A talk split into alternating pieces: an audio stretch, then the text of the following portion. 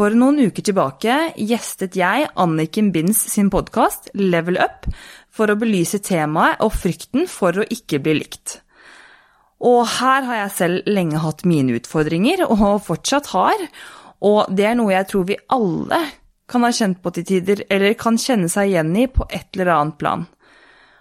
Og i denne episoden snakker jeg derfor åpent ut om mine tanker og følelser om et nokså sårbart tema, og Anniken gir i tillegg noen nyttige verktøy og metoder for å kunne bearbeide vonde og negative tanker om seg selv som ofte dukker opp, og da spesielt i sosiale omstendigheter, og dermed hvordan jeg, og forhåpentligvis dere, kan utvikle et bedre forhold til oss selv og bygge en sterkere og velfortjent selvfølelse. Vi kan nok alle lære å være snillere med oss selv, og Anniken er en fantastisk mentalcoach og foregangsperson for egenkjærlighet og selvutvikling, og hennes Instagram og podkast er definitivt verdt å følge. Hun er helt rå. Og jeg må bare si at jeg setter så stor pris på at dere hører på denne podkasten, og at dere gir så mange fine tilbakemeldinger. Altså, det gir meg masse motivasjon for videre arbeid og utvikling. Så jeg håper virkelig at dere kan finne både inspirasjon og teknikker som dere også kan ta med videre og ha nytte av i deres hverdag. Og med masse, masse omtanke og takknemlighet så ønsker jeg dere en god lytt.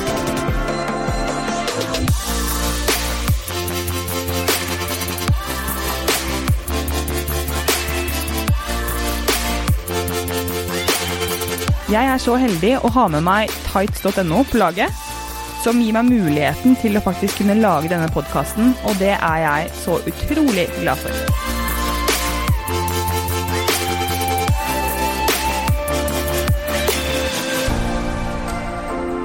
Velkommen i studio, Silje. Så utrolig hyggelig å ha deg her. Takk, veldig hyggelig å være her. Du heter jo, går jo også under navnet Silje Emilie på Instagram, ikke sant? Ja, det gjør jeg. og så er det sånn at eh, da første gang jeg møtte deg, så var jeg bare nesten helt eh, starstruck, fordi du er så søt og vakker og nydelig. Hyggelig, og du stråler ut med god energi. Og så har du en haug med følgere på Instagram. Og gjør det veldig bra innenfor det du driver med, som er crossfit. Du konkurrerer. Og har en eh, stor fanskare, har jeg forstått. Så jeg tenker liksom at hun jenta, hun har alt. Og så i dag så er du her fordi vi skal ha en utviklingssamtale, eller vi skal ha en coachingsamtale, og snakke om uh, frykten for å ikke bli likt. Yes, hvordan har det seg? Først og fremst må jeg bare si å herregud, takk for alle komplimentene. Det var veldig hyggelig. Um, nei, altså det er, um, det er nok Jeg tror jeg har snakket med veldig mange mennesker også. Jeg har jo åpnet meg litt i min egen podkast, men uh, jeg har, jeg har, nok flere nyanser ved meg pga. Uh, hvordan mitt liv har utspilt seg, og at jeg har gått fra å ha Eh, ja, ha en historie med spiseforstyrrelser og psykiske lidelser frem til at jeg er den personen jeg er i dag. Eh, og så har jeg mine personlighetstrekk som er veldig distinkte på én side, men på den andre siden så er jeg også veldig sårbar og veldig sensitiv, da. Så nei, jeg tror at uh, det er litt uh, Det er vel noe som sitter ganske dypt i meg, tror jeg. Mm. Mm. Ja. Uh, og det er jo uh, kanskje uh, et litt dårlig spørsmål å, å, stille fra min side, fordi jeg vet at alle kjenner på det her. Mm. Og men det er et veldig godt eksempel, fordi vi aner jo ikke hva som befinner seg på innsiden. fordi på utsiden så ser det ut som du har alt, og på innsiden så kan det være noe annet. Mm. Ikke sant? Og som du sier, det er ting fra tidligere i livet som henger igjen. For det er jo sånn at ja, vi utvikler oss, og vi kan liksom få det bedre på noen områder, men ting som sitter dypt i oss, det blir sittende. Og jeg har jo, jeg har jo selv vært der i livet hvor jeg var altså jeg tror jeg kanskje var en, som en sånn liten ball av frykt, kontinuerlig frykt for hva andre tenkte om meg. Mens fra utsiden så så det ut som jeg hadde alt. Og jeg har i ettertid fått høre at det var så mange som så opp til meg på den tiden og tenkte at ja, hun har jo alt, hun virker så sterk og stødig, og jeg vil være som henne. Mm. Mens jeg satt og tenkte ja, men jeg vil være som alle de andre som ser så bra ut, og, og de, er, de, er, helt sikkert lykkelige, ikke ja, sant? ja, ikke sant, ja. Det er så, det er så gjenkjennelig, det der. Ja. Eh, og det er eh, Jeg tror også det i forhold til um, å kjenne selv på at du um, Som du sier, at du har alt, da. Og jeg kjenner at jeg, jeg, det også dukker opp en frykt i meg, en sånn redsel, eller en angst, eller jeg vet ikke hva jeg skal kalle det, når folk sier det. Fordi nei. Og jeg um, Altså, jeg føler at det å skulle være um, forbilde i den forstand. Altså det her blir sagt mye bedre på engelsk, syns jeg, men det å være en role model, jeg vil heller være en real model. Og det vil si at jeg vil heller være et, et ekte menneske. Og ekte mennesker, de har utfordringer, de har problemer, og jeg, jeg er ikke noen som skal settes på en pidestall, jeg vil i hvert fall ikke det. Du vet hva, den der elsket jeg. En Ja. real model. Ja, den har jeg ikke, ikke hørt sant? før. Fantastisk. Den Jeg tror det var. Tupac som hadde det, en sang, faktisk. Mm. Ah, nydelig. Men du, nå har jeg sagt bitte litt om deg, eh, men jeg tror at eh, du kan få lov å introdusere deg litt mer, sånn at folk blir kjent med deg. Altså, du er en normal jente, egentlig, er du ikke det? jo, jeg, jeg er ganske normal. Altså, jeg er veldig normal. Jeg, du, jeg er en, en ganske normal jente på 28 år, blir snart 29. Eh, har eh, ja, jobber som personlig trener, eh, online coach og crossfit coach eh, på CrossFit Samvika. Og jobber egentlig veldig mye mer. Og så har jeg min egen podkast som heter Fysisk for psykisk. Så hele livet mitt er vel egentlig mye trening, fordi at jeg driver jo også veldig mye med Altså trener som en atlet, kan man jo kalle det. Trener ofte to ganger om dagen og uh, elsker det. Og det er vel egentlig motivasjonen for å drive med det jeg gjør, både karrieremessig og eh, generelt hobbyer og trening osv., det er kommet rett og slett av at eh, det har gitt meg så mye psykisk, da. Eh, I form av terapi, i form av eh, prosessene, de kjemiske prosessene som skjer i hjernen. Og ja, at det, det er litt sånn Det føler jeg er det punktet jeg har kommet til i dag, ut ifra selvfølgelig veldig mange forskjellige U-svinger og høyresvinger og venstresvinger i løpet av eh, livet. Så ja, det er vel egentlig Det er jo egentlig meg i dag. Mye treningsglede. Mye treningsglede. Ja, og jeg blir så glad av å se på de bildene du legger ut uh, på Instagram. og Du ser bare så sterk ut, og ja. Å, det er hyggelig. Det er. Jeg Ja. elsker det. Så bra. Men du, tilbake til temaet for i dag. Frykten eh, for å ikke bli likt.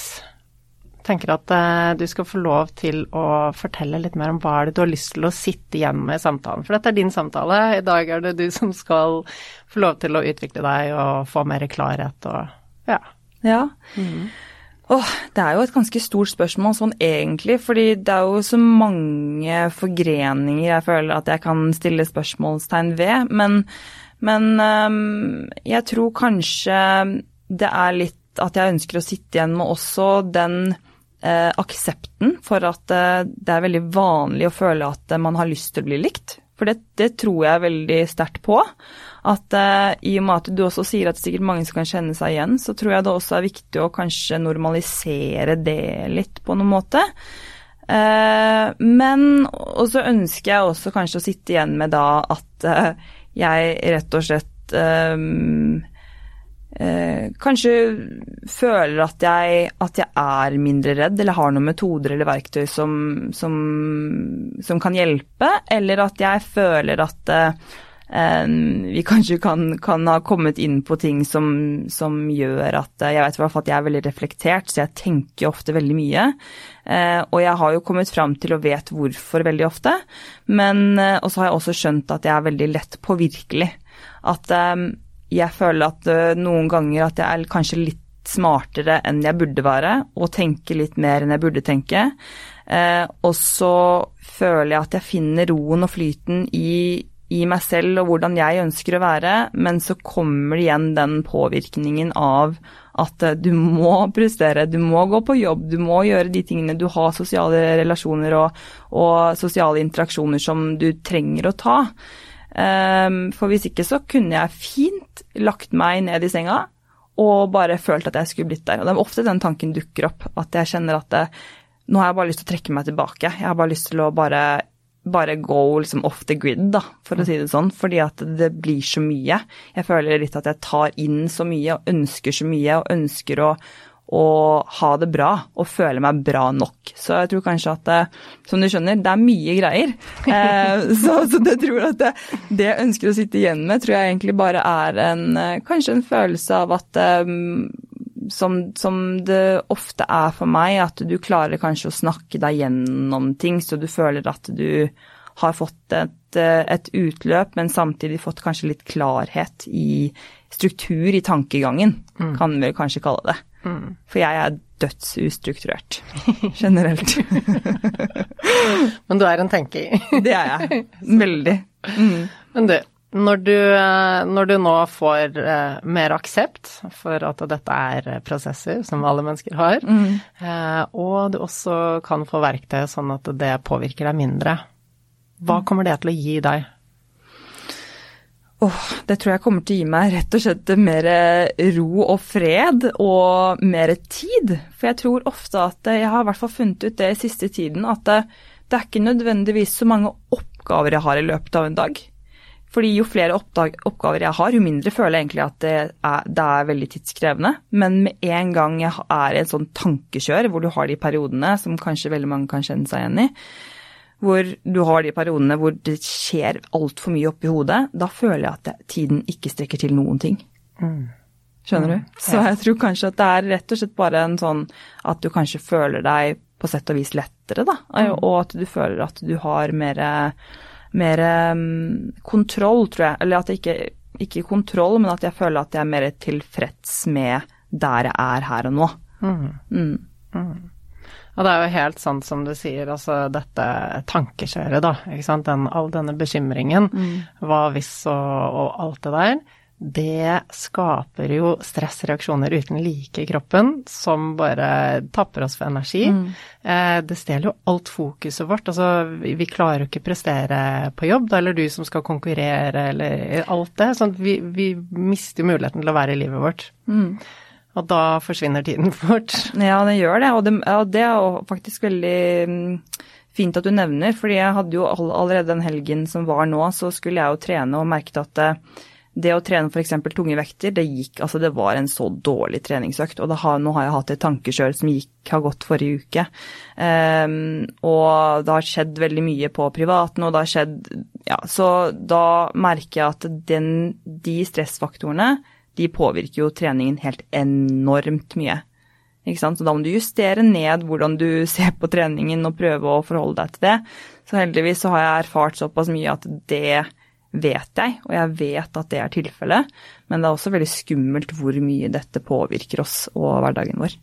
Ja, ja. Mm. og det er jo eh, det påvirker alt, og rett og slett den tanken du har i hodet kan skape energi og fokus, eller den kan fjerne det mm. totalt. Mm.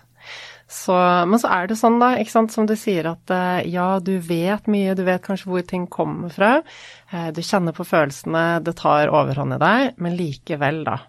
Du klarer ikke å gjøre noe med det. Mm. Og det handler om at det sitter veldig, veldig dypt i oss. Og i de tilfellene hvor det sitter veldig dypt, så er det ikke alltid nok med å bare si at ok, men jeg må bare endre fokuset mitt, jeg må snu tankene. Fordi at eh, når det sitter dypt i oss og er et følelsesmønster som sitter under bevisstheten, så, så, trenger vi å gå litt dypere til verks for å få det bort, rett og slett. Ja. Men, eh, men, i forhold til det som da er målet ditt, da, nå, nå, nå, så skisserer du et mål hvor du har aksept og du er, er mindre redd.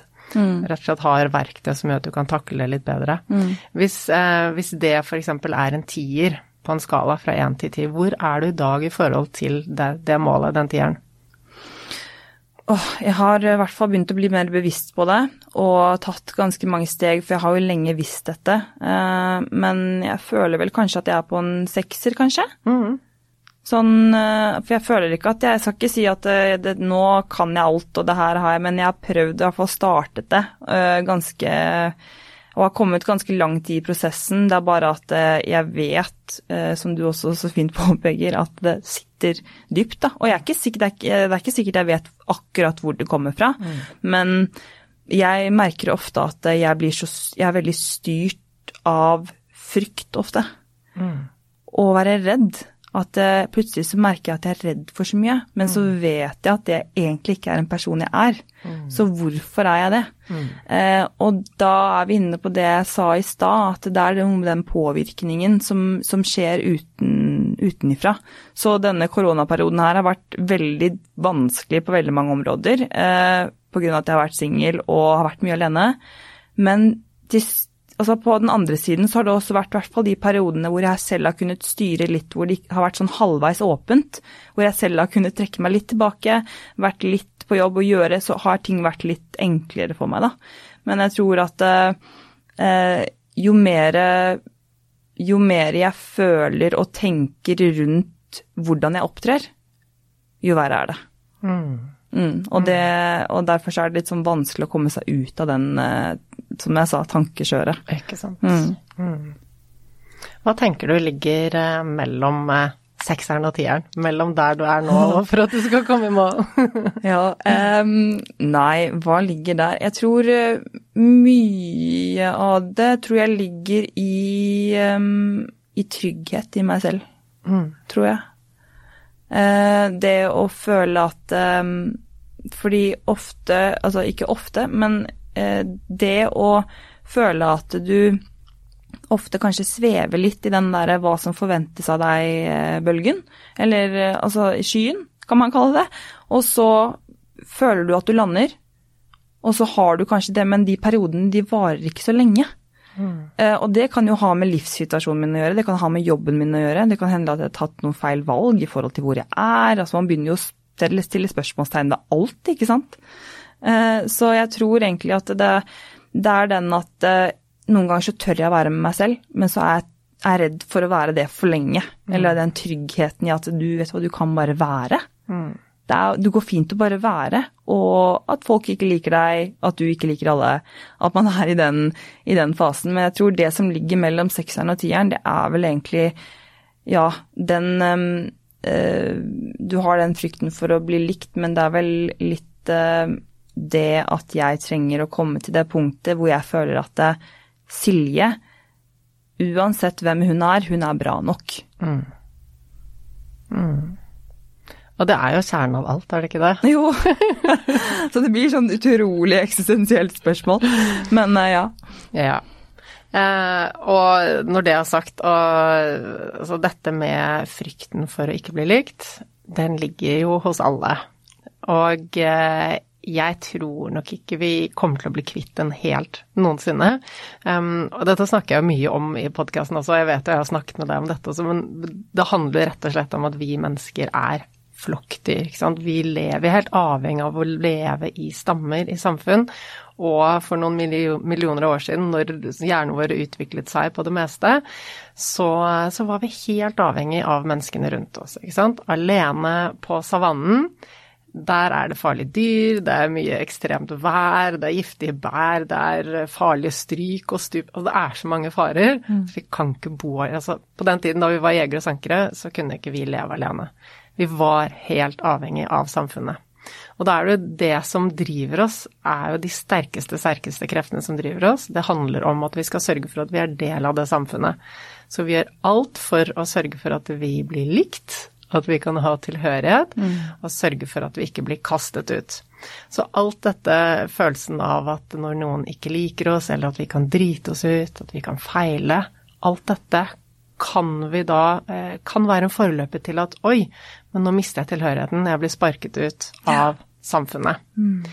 I våre dager så, så, er jo ikke dette gildig lenger, ikke sant. Vi kan klare oss helt fint alene. Vi kan bare gå i butikken og kjøpe den maten vi trenger. Vi kan, vi kan bare kjøpe et hus og flytte inn i det, og så er vi beskyttet for uvær. Mm. Så vi klarer oss fint alene. Men ja, det er ikke helt sant, fordi litt tilbake til det samme om korona, da, ikke sant. Du var mye alene, du har, har ikke hatt noen kjæreste. Og jeg vet også at veldig mange har slitt psykisk under korona fordi vi har vært alene. Og det går jo tilbake til det at vi mennesker trenger hverandre. Mm. Så mangel på tilhørighet, altså connection, sosial kontakt, det er jo en veldig stor grunn til at mange er deprimerte. Sitter vi i hver vår leilighet, på hvert vårt rom, altså tenåringene sitter på hvert sitt rom, har ikke ordentlig kontakt med mennesker, Og før levde vi jo eh, sant, i generasjonsboliger eh, eller i landsbyer hvor vi hadde besteforeldre og naboer som tok seg av hverandre. Så vi, vi var et samfunn, og det er vi ikke lenger. Mm. Men, eh, men, ja, vi er altså programmert til å ha denne aksepten og denne tilhørigheten. Og alt som kan minne oss om at den kan kanskje forsvinne, at vi kan bli kastet ut, det er nok til at hjernen vår tenker at wow, nå er det fare på ferde. Du kan dø hvis du mister tilhørigheten. Hvis du ikke blir likt, så er det, det er dødsfarlig. Ja. Så det er ikke rart at du kjenner på det, at jeg kjenner på det, at alle kjenner på det. Men det er ikke noe godt når dette altså tar over så mye av livet vårt da, og stjeler så mye livskraft fra oss mm. og skaper så mye tankekjør og bekymringer. Fordi at det er forskjell på at den følelsen kan dukke opp som en sånn påminner om at oi, ja, men jeg er jo menneske. Ja. og så trenger man ikke gå videre med den. Den trenger ikke være gyldig. Nei. Ikke sant? Du kan bare møte den og være sånn ok, ja ja. Ja, jeg skjønner jo at den tanken dukket opp, men ja. det vedgår ikke meg lenger fordi jeg vet at jeg står stødig i meg selv. Og dit kan vi komme. Mm. Det er klart at det skjer ikke over natten, Nei. men Men det høres veldig bra ut. ja, absolutt. Så, eh, så, Og med det vil jeg bare si at um, alle, absolutt alle kjenner på det. Det kommer til å være del av oss for alltid, men det trenger ikke definere oss, det trenger ikke hindre oss, og det trenger ikke skape noe uh, negative følelser. Det trenger ikke styre humøret vårt, tankene og følelsene våre mm. i det hele tatt. Så det. Eh, så det går til aksepten din når du vet at alle, alle, absolutt alle kjenner på det. Mm. Så tenker jeg også at det kan være lettere å finne den aksepten i seg selv. Ja. Og det går til alle som lytter her også, at uh, ja, men likevel, det er sånn ja, ok, du vet hvor det kommer fra, du vet at alle har det. Hva gjør du med disse følelsene når de dukker opp? Ja. Så i, hvis du bare vil velge ut en eller annen situasjon som er sånn typisk når denne tanken dukker opp, når følelsene dukker opp Åh, eh, det kan være det, det, jeg tror ikke det er noen spesiell hendelse, men altså nå har jo jeg um, Fordi det kan dukke opp litt sånn Jeg tror det kommer helt veldig an på nesten så det er akkurat som det er en frekvens jeg tapper inn på i hjernen min. Det er veldig, veldig rart, men det er sånn jeg kan, kan forklare det, fordi det skjer i løpet av dagen. Um, men det kan skje i løpet av samme situasjon. Så, så her er det liksom Det er veldig mye som skjer i mitt hode. Sånn åpenbart.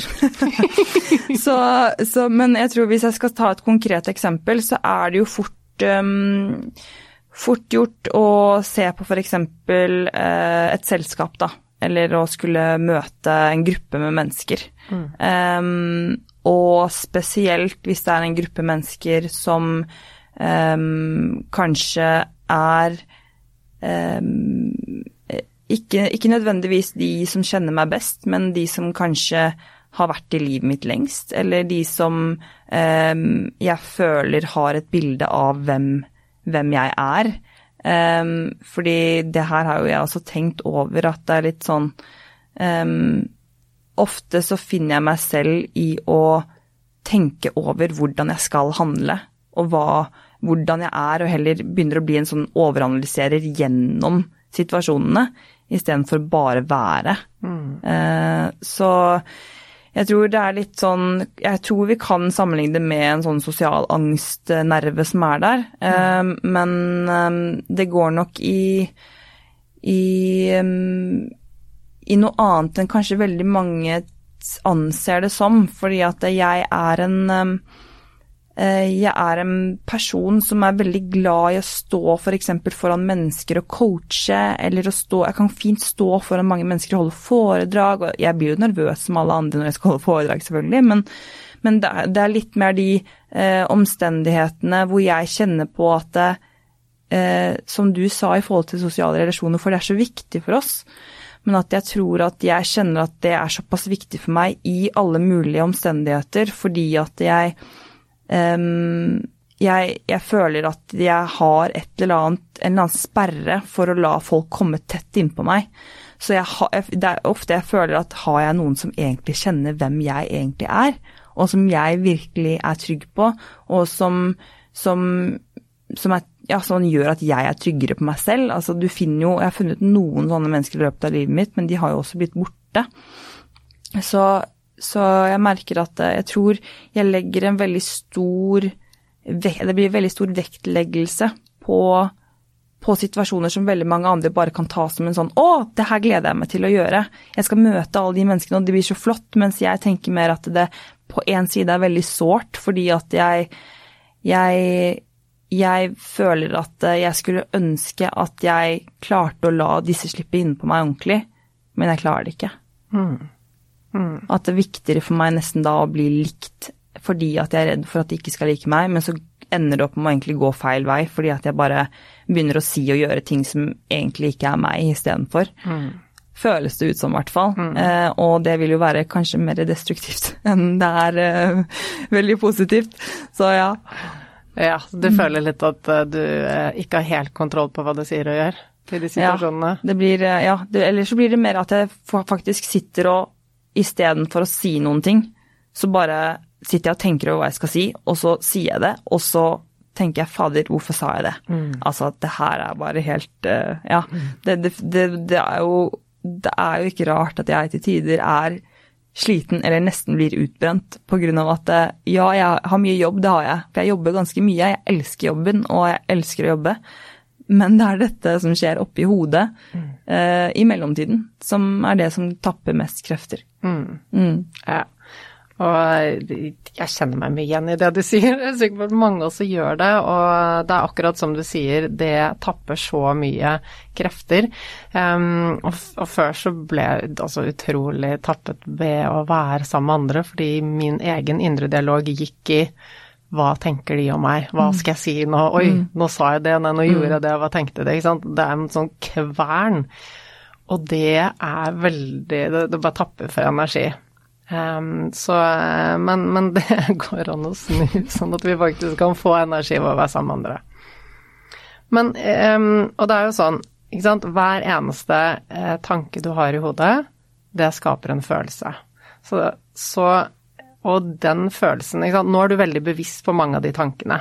De er veldig bevisste, men ofte er de tankene også ubevisste, ikke sant, og det kommer sikkert en flom av enda flere tanker i hodet ditt når du er på vei inn i denne settingen. Og hver eneste ting du tenker på, altså ord du sier til deg selv, eller bare ting du ser for deg i hodet, ikke sant, vi har, vi har en tendens til å se for oss alle sånne verstefallsscenarioer, ikke sant, vi visualiserer det veldig fort. Alt det skaper en følelse i deg.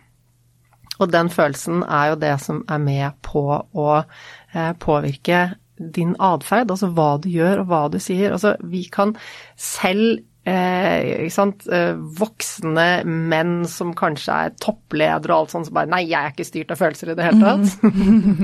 All handling er styrt av følelser, vi vet det bare ikke. Nei. Så eh, for at vi kan, eh, skal kunne ha kontroll over handlingene våre, over hva vi sier og hva vi gjør når vi er sammen med andre, så starter det jo med det som er i hodet, tankene våre, som påvirker følelsene. Så vi er liksom helt tilbake til tankene. Hvis du bare ser for deg en, sånn der, en rekke hvor det starter med tanken, og det påvirker følelsene, og følelsene påvirker handlingene, og handlingene, igjen, da går det en loop tilbake til tanken din, ikke sant. Har du gjort et eller annet, så tenker du ah, søren, hvorfor gjorde jeg det? Jeg burde jo heller sagt det. Og hva er følelsen da, ikke sant? Det er sånn å nei, føler du det enda mindre, og så blir handling Så blir det en sånn negativ spiral som man ikke kommer ut av så veldig lett. Um, så, så det, er, det, er, litt sånn jeg jobber, at vi, vi, går egentlig rett på det som er inni hodet, fordi da får du en annen følelse, du får en annen handling, og da har du en annen spiral som blir positiv istedenfor ja. negativ. Ja. Um, så um, Uh, ja. Men når du går inn i da Jo, det var det jeg skulle si. Jeg glemte det litt. Ja, det er det. Det er helt Det skjer mye i mitt hode også. uh, så er det jo det som er viktig å huske på, og det, dette jobber jeg veldig mye med når vi så jeg jobber med Så jeg har en hel modul i kurset mitt som går på frykten for å feile, ja. og hvordan overkommer det. Hvordan takle press og stress og alt sånn. Og da er det alltid én gyllen regel som vi skal ha med oss, som som egentlig hjelper oss til å skjønne alt. Og det er at vi kan bare ha én tanke i hodet samtidig. Punktum. Altså ja, de kommer fortløpende etter hverandre, men du kan ikke tenke på to ting samtidig. Nei. Og den tingen du tenker på, den har alt å si for hvilken reaksjon som skjer i kroppen din. For det skjer jo en fysisk reaksjon også, ikke sant. Du, bare ved å tenke på noe, så kan du begynne å svette og få høy puls, ikke sant. Så, så den tanken vi har i hodet, skaper både en følelsesmessig respons, og den setter i gang fysiske responser i kroppen. Så når vi vet at vi kan kun ha én ting samtidig i hodet, og den tingen har alt å si for hvordan vi føler oss, og hvordan vi oppfører oss, så er det da lettere å vite at ok, eh, når det dukker opp tanker som vi kanskje ikke har lyst til å ha i en situasjon, og nå tenker jeg litt mer sånn ok, vi er i en situasjon hvor vi ønsker å prestere best mulig. Ja, du er i en sosial setting, og det du ønsker å prestere er jo og, og, at de menneskene skal bli kjent med deg, den du er, ikke sant. Um, og, eller kanskje du er på jobb, eller du holder foredrag, eller hva det nå er. ikke sant. I en sånn setning så er det helt fint å skyve bort de tankene som påvirker oss negativt, og rett og slett trene oss opp til å ha tanker som, eh, som bygger oss opp. Og det er jo det vi gjør mye av i mentaltrening, sant? vi øver oss på det. Og dette er jo i stor grad vaner, og når vi øver oss på å, å putte inn en annen tanke, eh, en annen setning, så vil dette bli lettere og lettere, og det vil påvirke oss positivt. Likevel, når det er ting som vi snakker om her, som sitter så dypt, så er ikke det nok for å snu det. Nei. Men det er nok for at du kan mestre den situasjonen. Så jeg vil bare at vi skiller på det. Det er ikke noe sånn at vi bare snur på tankene, og så er alt fikset. Nei, nei, nei, nei. Men det hjelper deg i den situasjonen. Og det har jo også en effekt. Det har en positiv effekt på deg. Og øh, jo flere situasjoner du opplever at jeg kan være meg selv, jeg kan connecte med andre, eh, de kan bli kjent med den jeg egentlig er, og det mestrer jeg. Jo flere av de situasjonene du har, jo lettere vil det være å ta med deg inn i enda en ny situasjon og en enda ny situasjon. Det er sant. Det er veldig sant. Det er jo som du sier også, at jeg tror at det gir jo veldig mening når du sier det nå. Fordi, fordi det, det, at du har én tanke av gangen, det er jo det sikkert jeg mente også med at det skjer kan skje i samme setting, men på ulikt tidspunkt, at, eller i løpet av en dag, at det skjer liksom uh, disse frekvensene som jeg snakket om, da. At det er vel egentlig det samme. At du, hvis de gangene jeg bare velger å ha den tanken, eller at jeg har en eller annen tanke som er positiv eller som ikke er negativ, da, mm. og at jeg skyver de til siden, det er jo da jeg føler at det, åh, det, det var deilig, eller en befrielse, men så tror jeg at det er en nå er jeg kommet til det punktet hvor jeg er på nå, hvor jeg har begynt å jobbe til, eller begynt å bevisst, begynt å akseptere og har lyst til å jobbe med det. Um, mer og mer og mer vil jeg bli opplyst og begynner å bli kjent med meg selv på et, uh, på et dypere plan. Så, så merker jeg jo også at jeg tror grunnen til at jeg faller tilbake, er at det er så indoktrinert. Altså det er akkurat som at det bare er sveiset i meg på en eller annen måte. Og at det er nesten sånn at når, når du kjenner på den kanskje en sånn befriende følelse ved Jeg merker at du er jo en sånn helt fantastisk person som legger ut så mye inspirasjon og sånn på, på Instagram. Og når jeg ser på deg, så tenker jeg også det at jeg, jeg føler at det her er en sånn Du er en fri person, og jeg føler at det kan jeg se på mennesker også. At jeg har en sånn sensitivitet, så jeg merker at mennesker som er litt mer bekymringsløse, eller når de er i en sånn tilstand, så merker du det på dem. Og selv så har jeg også kjent på det, men jeg føler at det er akkurat som at da dukker det opp en frykt igjen for at dette her er ukjent. Mm. Sant? Og at du da automatisk går tilbake til noe annet. Yes. Mm. Det syns jeg er veldig fint at du tar opp. Mm. Og eh, og det handler jo om altså hjernen sitt behov for å beskytte deg. Mm. Tilbake til steinalderen, da vi levde som jegere og sankere. Alt som er eh, nytt, det vet vi ikke om er farlig. Så hjernen sier det er bedre om vi går tilbake til det gamle, kjente og trygge. Eh, og jeg har kjent på dette selv så mange ganger når jeg liksom endelig plutselig kjente at jeg, å, jeg kan møte eh, mannen min på en annen måte enn bare irritasjon over hvorfor har du ikke tatt oppvasken, eller jeg kan kjenne på de gode følelsene. Så jeg bare sånn, kan jeg kjenne på de gode følelsene? Nei, det føles helt feil ut. Nei, det er mye tryggere å gå tilbake til alle disse bekymring og sinne og irritasjon og alt mm. sånn. Eh, så, så, det er, og, og, det er på en måte en reell utfordring med dette med um, personlig utvikling. Men det er derfor jeg bruker mye lydspor. Og jeg skal gi deg noen lydspor også. Ja, ja. For de lydsporene jeg lager, det er jo visualiseringer som, vi, som går rett ned til underbevisstheten og jobber veldig dypt. Og når vi hører på disse, eh, så hører vi på de sant, over hver dag i flere uker i strekk. Og det som da skjer, eh, er at eh, dette blir den nye normalen. Vi får repetert det så ofte at det blir sånn Til slutt er det sånn hjernen bare Ja, men dette kjenner jeg igjen. Den følelsen kjenner jeg igjen. De ordene kjenner jeg igjen. Dette, dette er det som er sant. Det har jeg hørt hver eneste dag. Og sånn får vi inn den endringen. Uten at vi da trenger å pushe oss, fordi at det kan være veldig tungt, og det krever mye viljestyrke, og det er vondt å, liksom bare Nei, jeg skal pushe meg inn i den følelsen. Det, det er, jeg er ikke noe for en sånn kamp eh, tilnærming til endring, fordi det kan gå helt automatisk når vi bare jobber smartere. Så, så, og da får du til den endringen. Da blir alt det ukjente det blir bare Du får det intravenøst inn, ikke sant. Og når du hører på de visualiseringene, så, så spacer man jo ofte litt ut, og du bare ligger og slapper av. Og så får du den programmeringen, og plutselig så er det det nye deg, uten at du har gjort noe for det. Ja. Uh, og, og, da får du til det. Så, så, det jeg har lyst til å gjøre med deg, er, er uh, i dag å gå gjennom noen verktøy, noe du kan gjøre rett og slett for å endre på de tankene du har i hodet.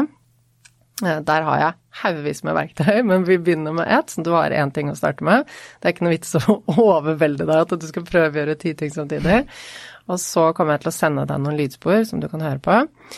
Og senere, en eller annen gang i høst, når vi får ryddet i kalenderen, så skal jeg gjerne også ta en skikkelig dyp session med deg hvor vi jobber én til én med visualiseringer. Ja. Da trenger vi å sette av litt tid, eh, og det får bli litt senere. Men i mellomtiden så får du mye bra å jobbe med. Mm. Men det jeg vil gjøre nå, er rett og slett å gi deg et av de arkene jeg har her, og en penn. Sånn. Skal du få lov å skrive litt. Så hvis du kan lage Hvis du kan ta arket sånn eh, på Hva heter det? På langs. Mm -hmm. Og så lager du fire kolonner. Sånn at du bare tar fire Sånn at det blir fire kolonner, bare ta streken nedover.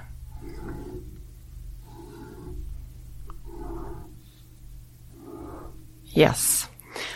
Og så tenker jeg at det, det, som er fint, er at vi tar utgangspunkt i den settingen du beskriver, at du er sant, i en setting med mange mennesker. Og så vil jeg at eh, du i den øverste, eh, eller den første, den eh, kolonnen helt til venstre, helt øverst i den, så skriver du eh, 'tanke som begrenser meg'. Mm. Og i den andre kolonnen så skriver du eh, eh, hvordan denne tanken får meg til å føle, og hvordan den begrenser meg. Så du kan skrive det som en setning eller stikkord kan skrive begrensninger og følelser. Så tanker som begrenser meg, og så Og så hvordan denne tanken får meg til å føle meg, og hvordan den begrenser meg. Så det vi gjør nå, er at vi analyserer én tanke, men dette kan du gjøre for flere også etter hvert. Eh, og når du får en forståelse Når du som er så reflektert og tenker så mye, når du ser denne sammenhengen, så kommer du også lettere til å bare automatisk kunne gjøre det med andre setninger, og andre setninger som dukker opp i hodet ditt, kommer du til å bare øh, ok, whatever. Deg gidder jeg ikke høre på. håper det. Håper det. Ja. Um, og i den tredje kolonnen øverst der så kan du skrive en ny setning. Og så vil jeg at du skriver under der stikkord, og så skal jeg forklare hva det betyr etterpå. Personlig og presens var positiv, altså tre p-er.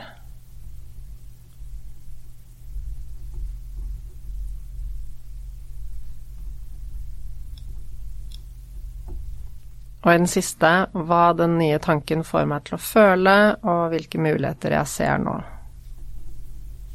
Du kan også bare skrive stikkord 'følelser' og 'muligheter'.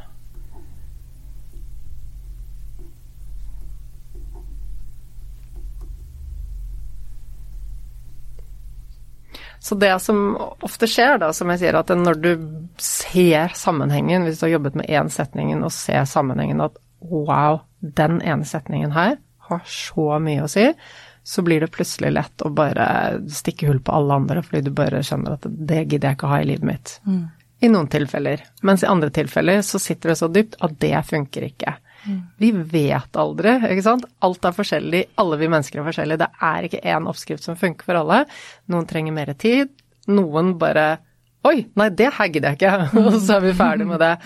Det vet vi ikke. Mm. Um, men i hvert fall, hvis i den første kolonnen så vil jeg at du skriver Tenk deg ut én uh, setning, og ofte så er det kanskje én setning som dukker opp litt eh, på litt forskjellige måter. Altså det er på en måte en kategori av en setning som er litt sånn en gjenganger. Ja. Um, hvilken setning er det som bare utkrystalliserer seg? Du er inn i sosiale settinger, uh, grupper med mennesker som du ikke kjenner så godt. Hvilken, hvilken begrensende tankesetning er det som dukker opp? Altså, det høres jo helt absurd ut, men sånn for, å, for, å, si det sånn at eh, det er vel at jeg ikke Enten at jeg ikke mm, At det er noe jeg ikke fortjener, eller at jeg ikke er verdig, mm. på en måte. Mm. Um, at jeg tror Eller vet du hva? At jeg, jeg er ikke Jeg er ikke like betydningsfull mm. som de andre. Mm. Mm. Da skriver du den i den første kolonnen. Jeg er ikke like betydningsfull som de andre.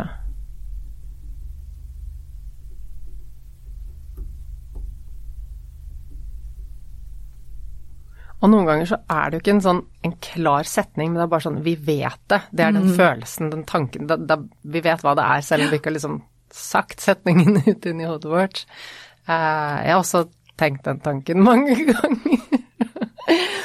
Så mm, ok, jeg er ikke like betydningsfull som de andre. Og hvis du går til kolonne to, da, hvordan får den tanken deg til å føle deg? Liten. Mm, skriv det. Skriv ned alt. Liten, hva mer? Um, altså trist. Mm.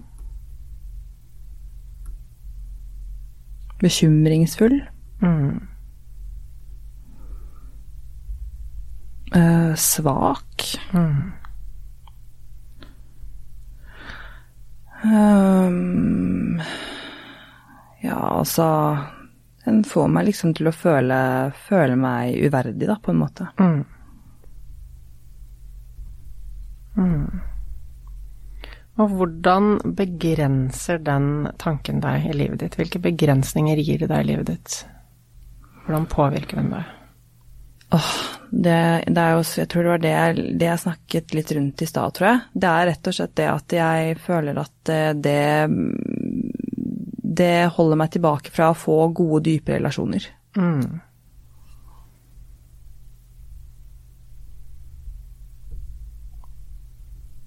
Og hva mer? Mm, det gjør at jeg ikke får um, Føler at jeg ikke får utfoldet meg sånn som jeg, sånn som jeg føler at jeg kan og vil. Mm -hmm. At jeg føler at det, det setter en stopper for, uh, for um, min glede, da. Mm. Mm. mm. Skriv det ned.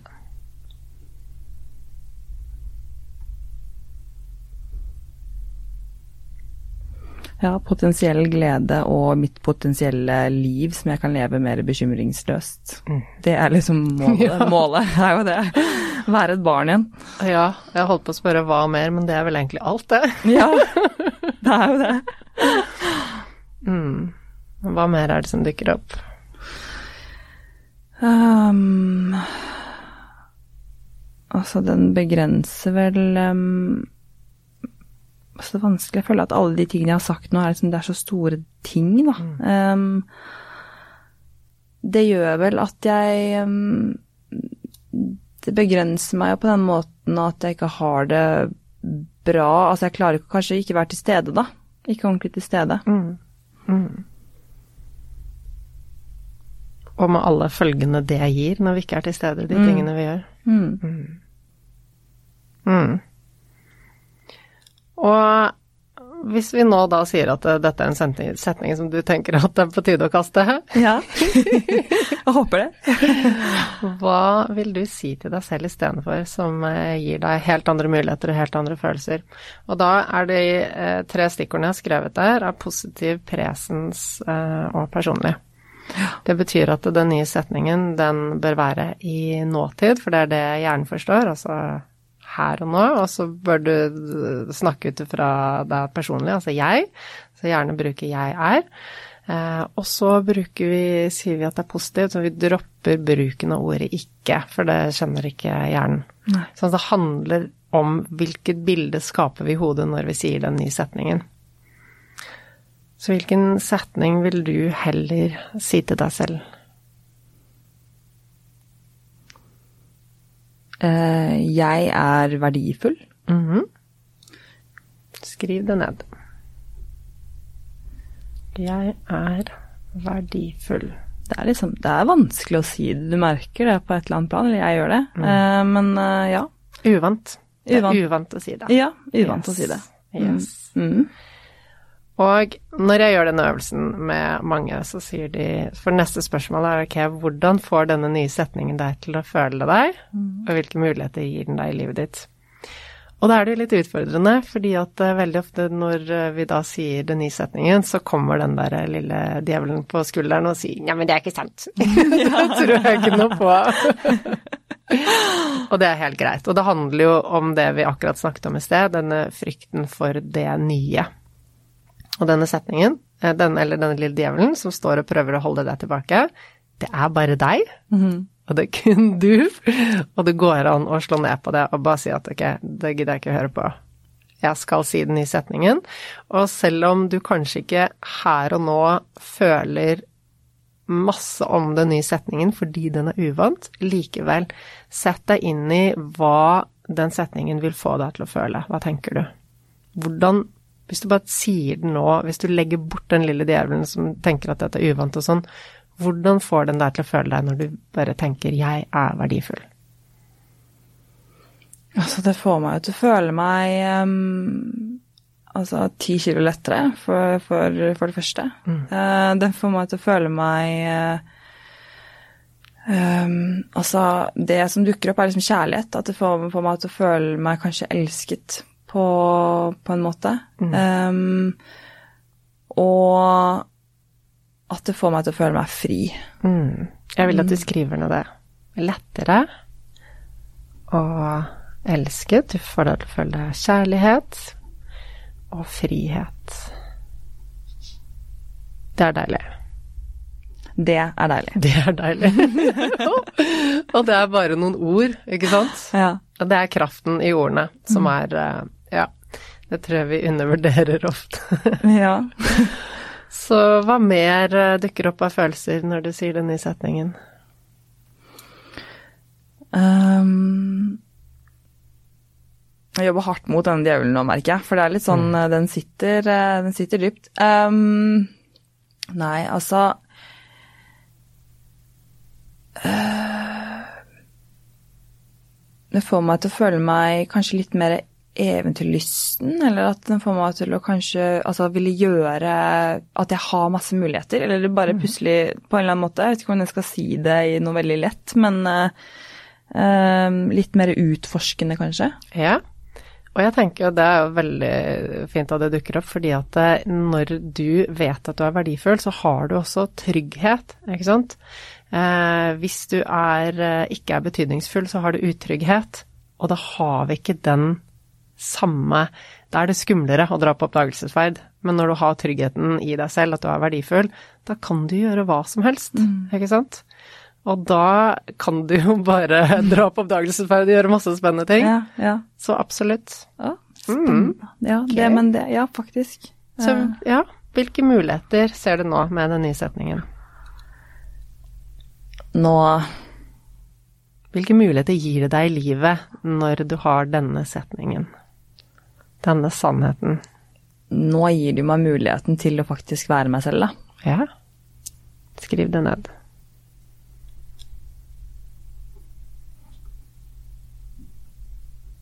Være meg selv mer, i hvert fall. Mm. Altså Og um, muligheten til å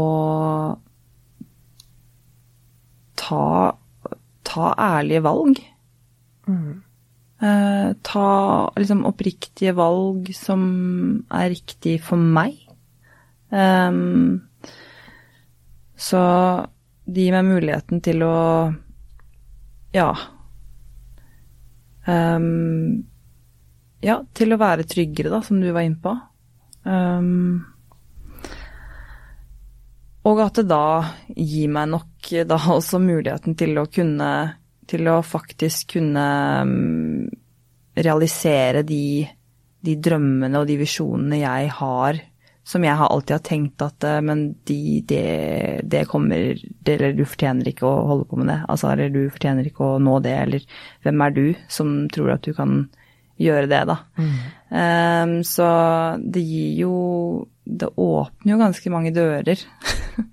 Fordi det er veldig paralyserende på en måte å ha så begrensende tanker om seg selv, da. Mm-hmm. Mm. Mm. Hva er det du vil ha ut av livet ditt? Åh, vet du hva. Jeg vil jeg vil rett og slett, Det jeg vil ha ut av livet, er rett og slett å ha bare kjærlighet og glede i meg selv og kunne gi det til andre. Mm. Jeg tror det er ikke noe som er mer viktig for meg, egentlig. Og det er jo ikke, det er ikke alltid det kommer frem heller, pga. disse mekanismene som jeg har ilagt meg opp igjennom, tror jeg. Eller hvordan jeg kan fremstå. Um, og så er jo altså, Så har jeg personlighetstrekk som er veldig direkte. Jeg er det. Uh, og jeg er egentlig Egentlig så er jeg en veldig trygg person. Jeg har veldig god selvtillit, og jeg er en sånn type person, men så er det så mange andre ting som sånne mot uh, motstridende tanker og følelser som gjør at jeg begynner å sette spørsmålstegn ved alt, ved min eksistens, ikke sant. Så jeg tror at uh, det rett og slett uh, åpner dørene for å, for å kunne For å kunne Ja, som jeg sa, som jeg sa innledningsvis, være et, en real model, ikke en role model. Mm. Gøy. Mm, på ordentlig. Sånn ordentlig. Kjempebra. Ja.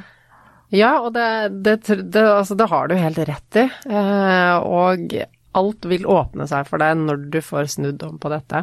Så eh, nå vet jo jeg at eh, det at du nå begynner å øve deg på nye setningen, det vil gjøre mye for deg. Fordi hvert eneste ord vi sier og tenker, det har en effekt på oss. Du bare merket hvordan du følte deg lettere med en gang du endret på den setningen. Men vi tenker jo ikke på det. Ikke vi, vi, tillater oss selv å snakke oss selv ned, og noen ganger så er det jo helt um, banale ting, egentlig. Ikke sant? Åh, jeg er så dum, og jeg gjør alltid det. Ikke sant? Hvis vi bare liksom mister noe eller søler noe, eller det er noe vi ikke klarer, så, så kan vi så lett bare snakke oss selv ned. Mm. Helt sånn uh, uten at det ligger noe bak det, bare en sånn nesten fleip. Men uh, likevel så har det en effekt på oss. Fordi underbevisstheten vår, det hører alt det vi sier, og det går inn. Så vi skal bare være utrolig forsiktige med hva vi sier til oss selv. Så jeg vil at du skal begynne å øve på denne nysetningen her nå. Jeg vet at det kommer til å gjøre mye for deg. Det jeg vil, er at du skal tørrtrene på den, og at du begynner å øve deg på den når du går inn i sosiale settinger. Likevel, som jeg sier, så vet jeg at det, det, er ikke nok for at du skal kunne snu alt dette, men det vil hjelpe deg å prestere i de situasjonene. Når du skal være sammen med mennesker, så vil det hjelpe deg å være til stede med de. Når du gjentar denne setningen, hver gang denne tvilen, all denne djevelen på skulderen kommer, all den indre dialogen kommer, så sier du bare, bare vifter den bort og sier at ok, men det her gidder jeg ikke, fordi jeg vil være fri. Eh, ikke sant? Jeg vil bidra i verden. Alle de drømmene og visjonene du har, det er det du vil. Og du vet at så lenge du holder på med denne tvilen, bekymringen og negative selvsnakket, så når du ikke de målene. Du får ikke det. Det vet du. Eh, og med det bakhodet så har du full rett og min fulle tillatelse til å bare knipse bort den tanken hver gang den kommer, og bare repetere denne nye. Vi Det vil hjelpe deg i situasjoner. Selv om det ikke rydder opp i alt det som ligger av årsaker og grums i bunnen, så vil det ha en veldig stor effekt, og det vil hjelpe deg til å kunne være til stede der og da. Ikke sant? Og så, i sosiale settinger, ha Øv deg på å ha fokus på de du snakker med. Spør de spørsmål. For vi blir så lett sittende og tenke 'hva tenker den andre personen om meg'? Og når alle rundt et bord sitter og tenker det samme, så er det ingen som egentlig er til stede. Ikke sant? Å, jeg skulle gjerne vært sett sånne bobler over mennesker på et sånt bord. Ja. ja. Så vær den personen som bare Ok, jeg kan tenke over meg selv etterpå. Jeg er hjemme, kan jeg sette meg ned og analysere meg selv.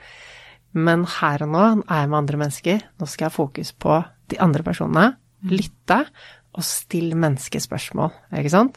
Når du stiller de spørsmål og lytter til det du sier, så får du fokuset bort fra deg. Og husk at du kan bare tenke på én ting samtidig, ikke sant? Så det er et sånt triks for å, eh, for å få deg bort fra den tanken om deg selv. Du kan kun tenke på én ting, og bare tvinge deg selv i starten til å bare Men jeg skal høre hva den personen sier. Mm. Jeg skal spørre spørsmål, ikke sant. Bare hvor kommer du fra, hva jobber du med, hva gjør du? Bare Folk elsker å snakke om seg selv. Spør, og så, eh, så vær til stede for den andre personen. Og da kan ikke du bekymre deg for deg selv samtidig. Selv om jeg vet at den vil trenge seg på bakgrunnen, så er det din jobb da å bare skyve den bort. Mm. Repetere denne nysetningen. Jeg er verdifull. Så det er en øvelse som du altså det helt konkret gjør, og den vil funke. I tillegg så skal du få lydspor av meg. Så skal du få noen av de lydsporene som jeg bruker i uh, online-kurset mitt, uh, som går på å bygge selvfølelse, fordi det handler om alt dette, ikke frykten for å feile, uh, frykten for ikke å bli likt, alt dette går tilbake, som du sier, den der følelsen av å være nok eller ikke. Mm. Så du skal få noen lydspor som, som, rett og slett hjelper deg å programmere inn de tankene. Men i tillegg så vil vi at vi tar en session hvor vi jobber i dybden, og rett og slett finner ut ok, hva er det når i livet ditt, hva er det som har skjedd i livet ditt som har gjort at du har lært dette? For en eller annen gang har, vi, har det skjedd noe. Finner ut hva det er, fjerner det. Ja. Sånn at du har rom til å virkelig være deg selv. Mm. Hva tenker du om det? Altså, det høres jo kjempebra ut, og når du snakker også Ikke bare bra, men det høres jo Det høres riktig ut på en måte, men men når du sier det med, med For det har jo vært en, en, metode jeg har brukt også, så det kan jeg bare si at det, det hjelper. Mm. Men det er som du sier, at jeg tror bare at jeg trenger å bli påminnet det også. At mm. det, å, det, å, rette det fokuset mot andre, spørre spørsmål, være nysgjerrig. Mm. For det er, en, det er, en, person jeg også Det er da jeg føler at nå er du til stede. Og det er da du har det bra. Ja. Så hvis alle bare hadde vært litt mer yes. å legge fokuset på andre, så hadde vi vært et ganske mye varmere samfunn, tror jeg. Fordi mm. den kulturen i Norge er jo Kan jo si sitt om den, men uh, det bidrar jo ikke alltid like bra, men mm. det handler jo mye om hvilke mennesker du omgir deg med. Men det å ta da den kontrollen selv om at ja, men så, da kan du stille spørsmål og, og legge fokus over, og det hjelper mye. Mm. Mm. mm. Ja, ikke sant. Så som du sier, det funker, mm. og så trenger du den bevisstgjøringen på at det ikke Bestem deg for at det er det jeg skal gjøre. Mm.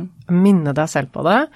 Og gjøre det såpass mange ganger at det blir en vane. Og i tillegg så, så sier du at du kjenner den positive effekten av det. Du kjenner at det er en god følelse. Ja. Og når du kjenner den gode følelsen, bare legg merke til den og bare si at yes, det er sånn jeg vil ha det. Ja. Dette liker jeg.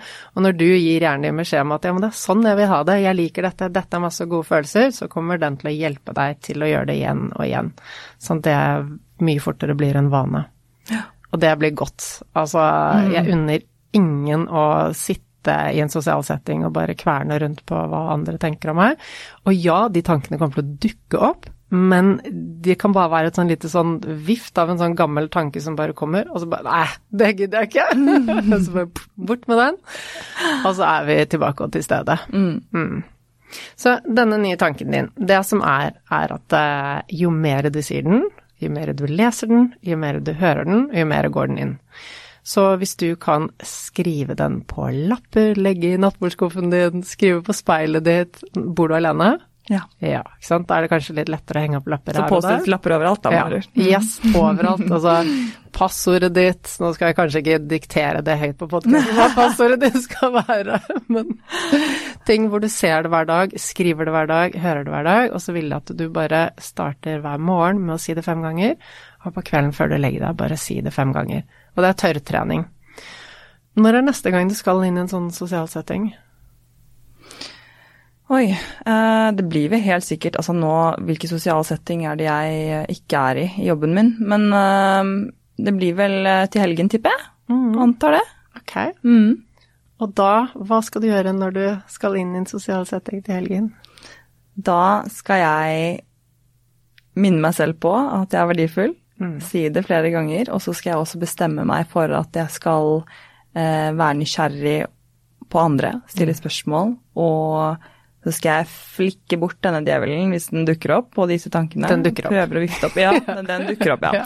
Det er, ja, det kan vi si helt sikkert, det vet jeg jo allerede òg. Eh, så, men det absolutt det jeg kommer til å gjøre, at jeg kommer til å um, Den bevisstgjøringen på akkurat det scenario som du har gitt meg i dag, da, det, det tror jeg at eh, det vil, det vil gjøre at ok, nå er jeg motivert til å til å faktisk ta meg selv i at dette her er ikke greit.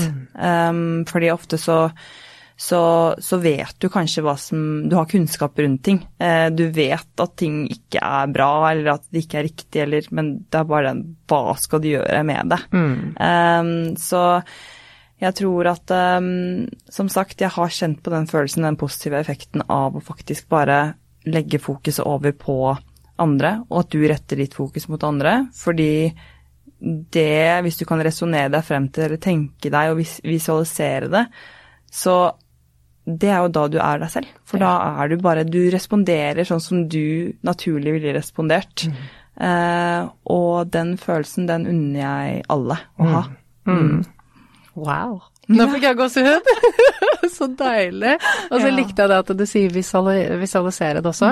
Så før du, når du vet hvilken sosiale setting du skal inn i, før du skal dit, se for deg inni hodet at du er den personen du vil være. Eh, engasjerer deg i de andre. At du repeterer 'jeg er verdifull' inni hodet ditt mens du er sammen ikke sant? Når du går inn på do, eller rett før du kommer dit, og alt sånn. Eh, og ja, og, og bare se på det som en treningssak. Og vær raus med deg selv, fordi at eh, du kommer ikke til å mestre det fra første gangen. Men for hver ikke sant? Du liker en utfordring, det vet jeg. Du liker å øve deg og kjenne på mestring, så se på dette som en, en ny arena å mestre på. Rose deg selv når du har kjent på fem minutter av god følelse, ti minutter av god følelse, og nå klarte jeg så mange ganger å trekke fokuset tilbake til samtalen og være med, og til slutt så går det helt automatisk. Mm. Skal jeg sende deg noen lydspor senere i dag, sånn at du får litt tid til å Ja. varme opp og bygge litt indre styrke før det?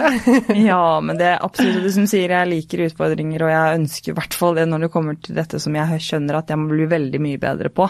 Eh, Jeg så- ønsker å bli bedre Jeg på det. ønsker å bli bedre på Yes. det. Ja, ikke må. Det er feil.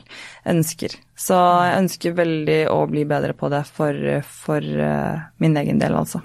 Herlig. Mm. Det ønsker jeg også at du skal bli bedre på, fordi at du gjør så mye bra, og med podkasten din også, fysisk for psykisk, så har du en mulighet til å røre så mange mennesker, så yes. Ja, Tommel opp for det. takk. Jeg håper jeg gjør det, i hvert fall. Mm. Men så bra. For å, for å runde av, hva er det du sitter igjen med nå etter samtalen vår?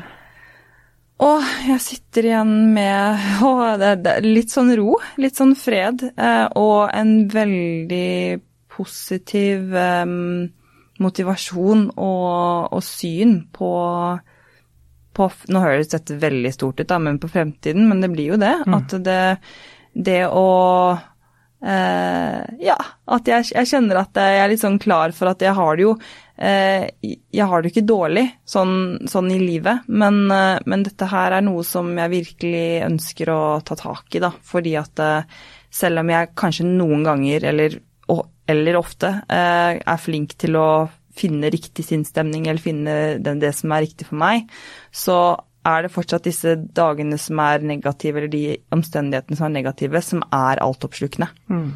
Og da blir de positive borte eh, oppi det hele samsurium av det. Så nei, jeg tror jeg sitter igjen med at um, jeg er veldig klar for å gjøre en innsats for mitt eget, min egen helse og velvære, da.